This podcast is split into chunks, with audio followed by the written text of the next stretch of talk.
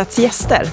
En podd där vi på Apotek Hjärta träffar olika experter för att prata om aktuella ämnen knutna till hälsa och välbefinnande. I just det här avsnittet pratar vi om influensa och lunginflammation. Den här podden presenteras i samarbete med lunginflammation.se. Hjärtats gäster med Annika Svedberg, chefsapotekare på Apotek Hjärtat och Björn Olsen, professor i infektionssjukdomar vid Uppsala universitet och Akademiska sjukhuset. Ja, nu är vi inne i december, en väldigt mysig månad tycker jag med snö på granarna och tända ljus inomhus. Eh, en månad när vi ofta umgås eh, över en kopp glögg eller kaffe och kanske äter lite pepparkakor och lussebullar.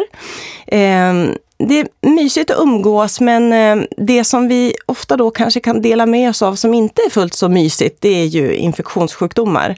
Många är förkylda i dessa tider. Som ni hör är jag också det idag.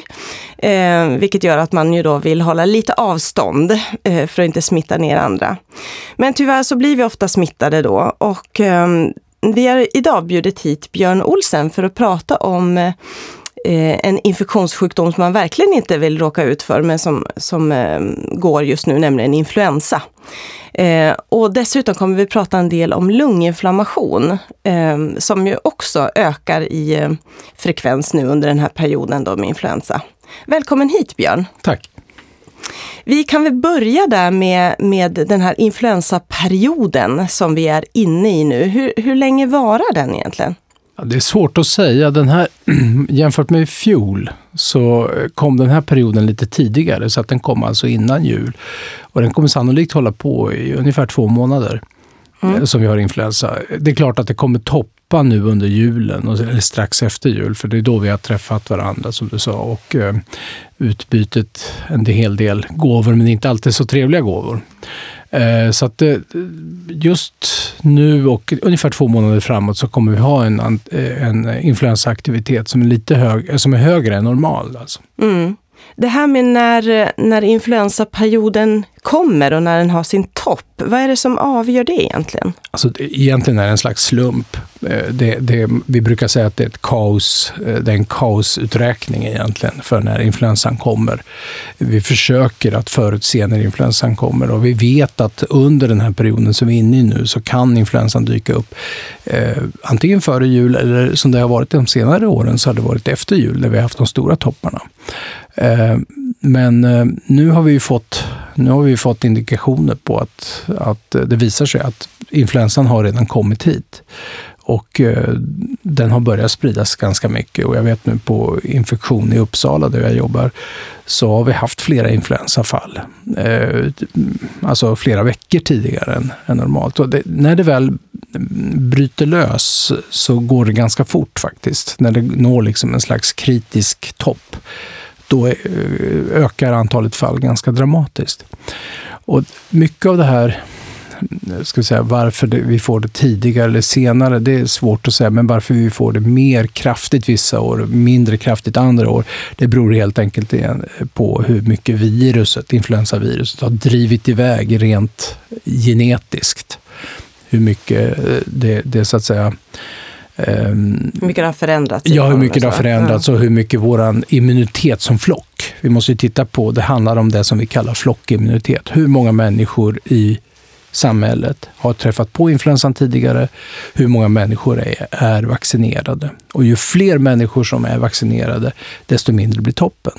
Det vet vi. Att en, en hög följsamhet för vaccination många som vaccinerar sig, då får vi en lägre topp. Och det beror ju helt enkelt på att eh, viruset har liksom ingen, ingenting att hämta om det är så att immuniteten är hög i samhället. Mm. Och eh, influensa det är ju som en rejäl förkylning. Men det finns ju vissa saker som skiljer eh, en förkylning sån som jag har nu då, mot influensa. Och vad, vad, är det som är skillnaderna i symptom? Ja, men man kan säga så här, influensa är en väldigt eh, ska vi säga, spretig sjukdom på det sättet att eh, det finns en del klassiska fall naturligtvis av influensa. Då är det det här hastiga insjuknandet. Det är ofta det vi förknippar med influensa. Ett hastigt insjuknande, muskelvärk, värk bakom ögonen, huvudvärk, rinsnuva eh, och hosta. Mm. Eh, det, det, kan man säga är den mer klassiska. Man blir alltså akut sjuk. Ehm, men eh, Influens feber? Ja, feber, hög feber ofta. Mm, mm. Men då ska vi ha klart för oss att de allra, allra flesta influensafall som vi inte upptäcker, de går precis som du beskriver din egen sjukdom med den här diffusa förkylningen. Och det här beror ju egentligen på att Ehm, om det nu skulle vara så att man får den typen av symptom, alltså lite mer diskreta symptom, så har man sannolikt stött på influensan året innan. Och man har därför ett, ska säga, ett delförsvar mot influensan. Så man behöver inte insjukna i den här inom citationstecken klassiska bilden. Utan det kan vara mera rinsnuva, lite diffus hosta, man mår lite dåligt, eh, man har temp, lättare tempstegring. Um, så man tror att man har en vanlig förkylning ja, fast man, det faktiskt är Precis, absolut. Och, eh, och då, det innebär ju också att man är ju smittsam ändå. Det är klart att smittsamheten är högre om man har en klassisk influensa med den här djupa hostan och uh, man mår riktigt, riktigt dåligt. Mm. Men du, är det farligt då? Ja, alltså för de allra flesta så är inte influensa något farligt. Det, det är någonting som vi måste gå igenom för att eh, det, det, är virus som cirkulerar framförallt under vinterhalvåret för oss.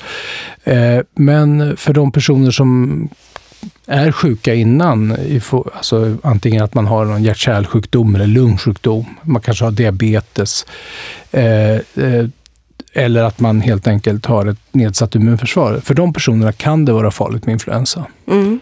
Nu var du inne då på olika riskgrupper mm. som man brukar prata ja. om. Äldre pratar man också om ofta, att, ja. att man är, tillhör riskgruppen ja. och ska eh, vaccinera sig då innan. Men varför då? Jo, det, det, är så att eh, de allra flesta influensainsjuknanden vi har nu under den här perioden, när vi har säsongsinfluensan som går, den influensa som vi har stött på så många gånger tidigare, då är det framförallt äldre som drabbas. Det klassiska är människor över 65 år. Eh, och, eh, eller sådana som har annan sjukdom. Mm, så att det, det, är de, just de som drabbas främst. Och det beror ju på att man, när man blir äldre så får man ett eh, något eh, sänkt immunförsvar mot vissa typer av virus eller olika typer av bakteriesjukdomar. Eh, och dessutom så finns det i kroppen själv att vi våra, vårat minne, vårt immun, immunminne för influensan, det tapp, vi tappar det successivt också. Så att just därför är de äldre som är lite mer utsatta. Dessutom blir ju äldre svårare, ofta svårare sjuka. Mm. Eh, dels influensan, men och influensan kan då bana väg för andra typer av svårare infektioner som olika typer av bakterieinfektioner som kan ge lunginflammation exempelvis. Just det. För man, vid, ett, vid en svår influensa, när man har influensa långt ner i luftvägarna, då får man skador på slemhinnorna i luftvägarna. Och det här är, kan vara ska säga, porten in för olika typer av bakterier som också snurrar i befolkningen just nu. Och då kan det bli så att den som tidigare haft en influensa blir sjuk i någonting som är svårare och då kan det vara en lunginflammation.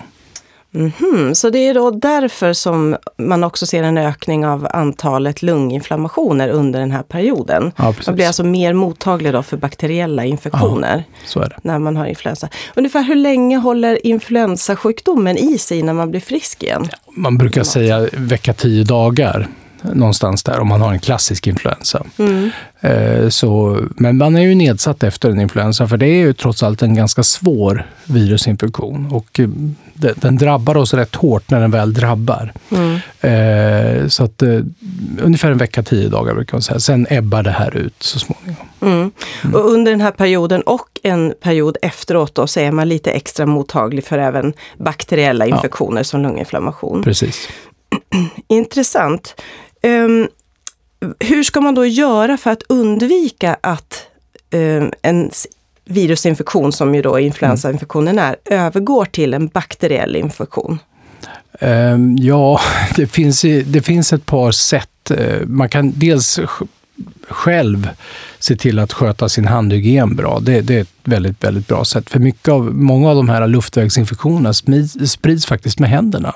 Det tänker man inte på. Man hostar i handen eller och så kan man föra det vidare.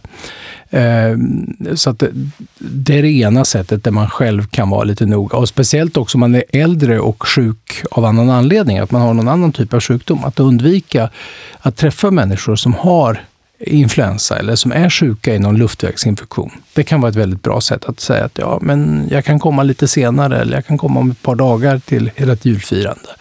Så att man skjuter upp det här lite grann om man, om man vet med sig att man är sjuk. Det andra sättet, eh, som, det är därför det har liksom gått ut en, en rekommendation då ifrån Folkhälsomyndigheten, det är att man vaccinerar sig helt enkelt mot influensa och även mot lunginflammationer. Det finns ju vaccin mot både och så att säga. Eh, så det, det, det är ett bra preventivt sätt. Just det. För det är alltså influensa som kommer då årligen, mm. det gör ju det. Mm. Eh, viruset då som orsakar influensan ser alltså lite olika ut från mm. år till år, så är det va? Mm. Eh, och har man haft influensa tidigare så har man ett visst försvar, men det beror ju på hur olika viruset ser ut då, mm. antar jag. Mm. Ja. Hur pass bra försvaret Precis. är. Precis, och det, det är det att viruset kontinuerligt genomgår, kan man säga, mutationer. Eh, det här viruset. Så det driver iväg, brukar man säga. Det, det driver iväg ifrån ursprungsstammen av influensaviruset. Eh, så att det virus som man stöter på ena året är, kan man säga, kusin till det virus som man stöter på nästa år. Eh, och det är därför man är ganska noga med från Världshälsoorganisationen att övervaka de olika typer av virus som cirkulerar på jorden. Ehm, så att, eh, och då har man en slags bästa gissning. Hur ska vaccinet designas för att vi ska få största möjliga skyddseffekt när influensan väl drabbar norra halvklotet? Mm. respektive södra. Ja, och det är därför man då vaccinerar sig varje år mot influensa, ja. för att det är lite annorlunda det, virus. Det är lite annorlunda. Ja. Men, Hur, Ja, men man kan också säga det att om man har haft en svår influensa ena året så, så är man mindre benägen att få en svår influensa nästa år. Så man får ofta av själva infektionen så får man ett lite, lite bättre immunförsvar eller ett lite bättre immunsvar jämfört med en vaccination. Men eh, för de som är, tillhör riskgrupperna som jag var inne på, eh, de, för de personerna så rekommenderar man verkligen att vaccinera sig varje år. Mm. Hur ser det ut nu med vaccinationer? Har vi blivit duktiga på det i Sverige nu? För det har ju pågått ja. ganska många år, de här programmen för ja. vaccination. Jo, jag, jag, tycker nog att vi, vi håller på att bli duktigare på det här. Eh, människor är medvetna och, alltså om influensasjukdomens, att den kan bli väldigt svår. Så där, där har vi väldigt hög vaccinationstäckning i Sverige. Vi, vi är ganska väl uppfostrade när det gäller influensavaccination. Det är klart att Eh, Eh, eh, många diskuterar ju exempelvis efter den pandemi som vi hade 2009-10, alltså med den här svininfluensan och de tråkiga effekterna vi hade efter vaccination eh, med narkolepsier, så har ju influensavaccinationen hamnade temporärt i ett slags vanrykte efteråt. Att man, man förknippade influensavaccination med ökad insjuk, ett ökat insjuknande i narkolepsi.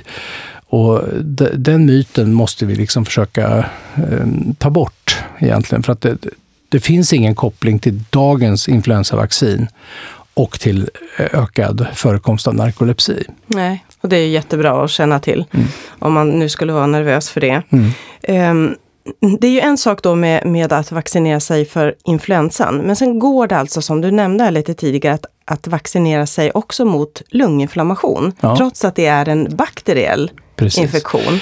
Och då, det riktar, vaccinet riktar sig mot den absolut vanligaste orsaken till lunginflammation. Och det, det är en bakterie som kallas pneumokocker. Pneumo efter lunga och kocker, det är små runda bakterier. Eh, och de kommer ofta i släptåg efter en influensa, ett eh, influensainsjuknande. Man kan insjukna året runt i pneumokockinfektioner naturligtvis. Men, men vi ser en tydlig topp i samband med influensainsjuknanden, att det kommer efteråt. Och det på grund av de här lungskadorna som luftvägsskadorna som influensa, influensan ger. Så då får pneumokocken lättare inträde i kroppen. Och de här infektionerna kan bli väldigt, väldigt svåra och eh, obehandlade så kan man faktiskt dö av dem. Eh, dödligheten ökar ju alltså under tider som vi har mycket eh, pneumokocker som cirkulerar i befolkningen. Ehm, och det beror ju på att det är framförallt de äldre som drabbas. Mm. Hur är det med den typen av vaccination? Gör man det varje år också? Nej, Nej? det gör man inte. Utan eh, man kan säga det att det vaccin vi ger till vuxna där, så det, det rekommenderar en, en, en vaccindos. Sen håller det här och sen har man diskuterat, eh, ska man behöva vaccinera om sig igen? Men det finns inga bra studier som pekar på att man verkligen behöver vaccinera om sig. Om man inte tillhör någon av de här riskgrupperna. Då kan det behövas påfyllning? Då kan det behövas påfyllning ungefär efter fem år. Mm. Mm. Ja, Finns det något annat sätt än via vaccin man kan skydda sig? Egentligen inte. Det, det, är svårt. Det här, eller virusen och pneumokockerna, de här bakterierna, de sprids ju med mellanmänskliga kontakter. Att vi helt enkelt umgås. Eh, och nu under vintern så trycker vi ihop oss. Vi, vi blir närmare i kontakterna, människor reser mer. Vi, vi ska fira jul exempelvis. Det är en sån här klassisk högtid där ofta den gamla farmor eller farfarn blir sjuk i en influensa eller blir sjuk i en lunginflammation. Mm. Så det, det, det, är svårt att skydda sig eh, mot det, förutom genom vaccination. Och sen som jag sa också tidigare, man kan exempelvis ha god handhygien eller helt enkelt undvika att träffa de som har en, en luftvägsinfektion pågående, mm. om man vet med sig att man är känslig. Mm. Men det som, eh, som Folkhälsomyndigheten nu går ut med när det gäller rekommendation kring mm. vaccination, det är alltså riskgrupperna. Mm riskgrupperna de, och de som är över 65 år. Och hur är det med dig själv då, Björn? Är du eh, vaccinerad? Ja, mot influensa är jag vaccinerad och det finns ett bra skäl till det. Det är att jag tillhör vårdpersonal, så att säga. Att jag tar hand om de som blir sjuka i influensa. Och jag vill inte heller sprida det, vare sig bland personalen i övrigt eller till mina patienter. Så där finns det liksom ett, ett skäl att eh, om man tillhör vårdpersonal och ska vårda de som är mest utsatta, så, så finns det ett, eh, ett bra skäl att, att vaccinera sig själv. För man minskar spridningsgraden på, antingen på sjukhus eller på olika vårdhem och sådana saker där man kan jobba. Mm. Så det gäller alltså inte bara läkare utan det gäller all personal. Eh, däremot när det gäller pneumokocker, där är jag inte vaccinerad än i och med att jag inte tillhör någon riskgrupp. Ja, men om man då har glömt bort att eh, vaccinera sig. Jag har ju faktiskt inte gjort det själv då, men jag tillhör å andra sidan inte någon av riskgrupperna. Men alla, alla vi som ändå eventuellt kommer att drabbas av en influensa, vad ska vi tänka på då? Alltså, när det gäller influensa så brukar man ju rekommendera vila, värme och vänlighet. Och så mm. vatten förstås. Det är ju en väldigt viktig faktor, att man får i sig vätska. Eh, för en influensa kommer ju att, den har ju sin egen tidtabell egentligen och det är ju ingenting som vi kan bota hos de allra flesta. Vi kan däremot, om man tillhör en av riskgrupperna, så att man har hjärt-kärlsjukdomar eller någon annan underliggande sjukdom och man vet att man har blivit exponerad för influensa eller börjar få de första symptomen, då kan man söka vård och få tabletter som heter Tamiflu. Och de tabletterna kan ju minska risken att du sen insjuknar i en svår influensa. Det gäller också om man är gravid, exempelvis i senstadiet av graviditet så kan man också fundera på det. Eh, men i övrigt så finns det ju som ingen behandling för influensa. Nej, utan då handlar det om att lindra symptom? Då. Ja, och det är de fyra V'na som jag pratade om. Jaha, vila, värme, vila ja. värme, vänlighet och vatten. Ja, just det.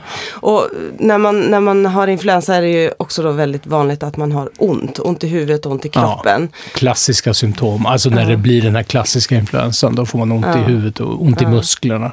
Men det, kommer, det ger med sig på ett par dagar. Sen kommer man vara lite trött och tagen efteråt. Mm, mm. Och om man skulle vilja ha just lindring för smärta smärtan och även sänka ja. febern. Jo, då finns då, det ju bra alternativ då finns det bra, Precis, mm. och då är det bäst att prata med, eller att man skickar någon löpare som får springa till apoteket och fråga ja, min anhöriga har influensa, vad rekommenderar ni? Mm, så att man verkligen väljer rätt typ av um, mm. smärtstillande, febernedsättande ja, tablett. Mm.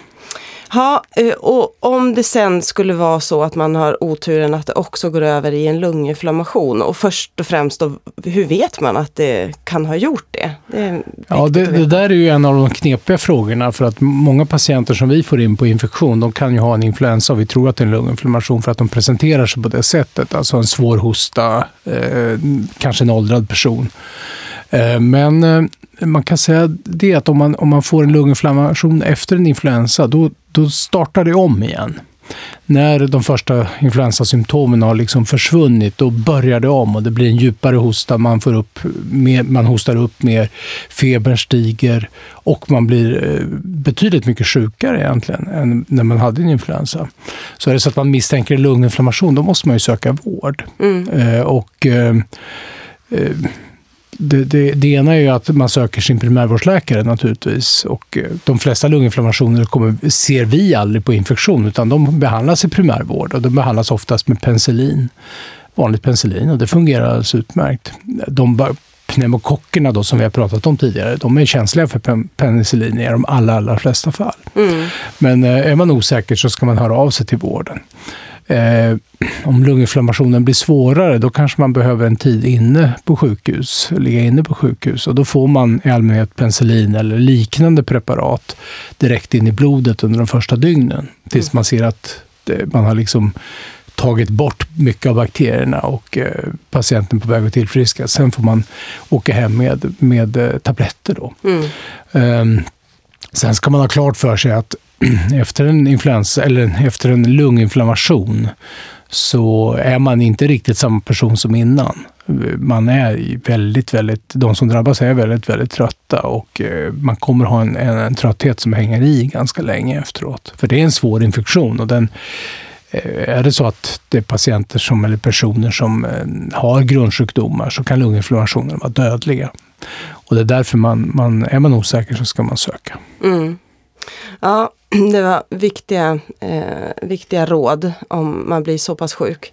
Mm. Och då kan vi ju konstatera att det vill man helst inte bli. Så att ett råd till alla där ute som, som har någon av de här riskfaktorerna eh, eller alla äldre då, se till att vaccinera er både mot influensa och eh, mot pneumokocker. Mm. Så eh, vi kan eh, fira jul utan att må jättedåligt och, och, och förhoppningsvis även eh, vara friska in på nya året. Då.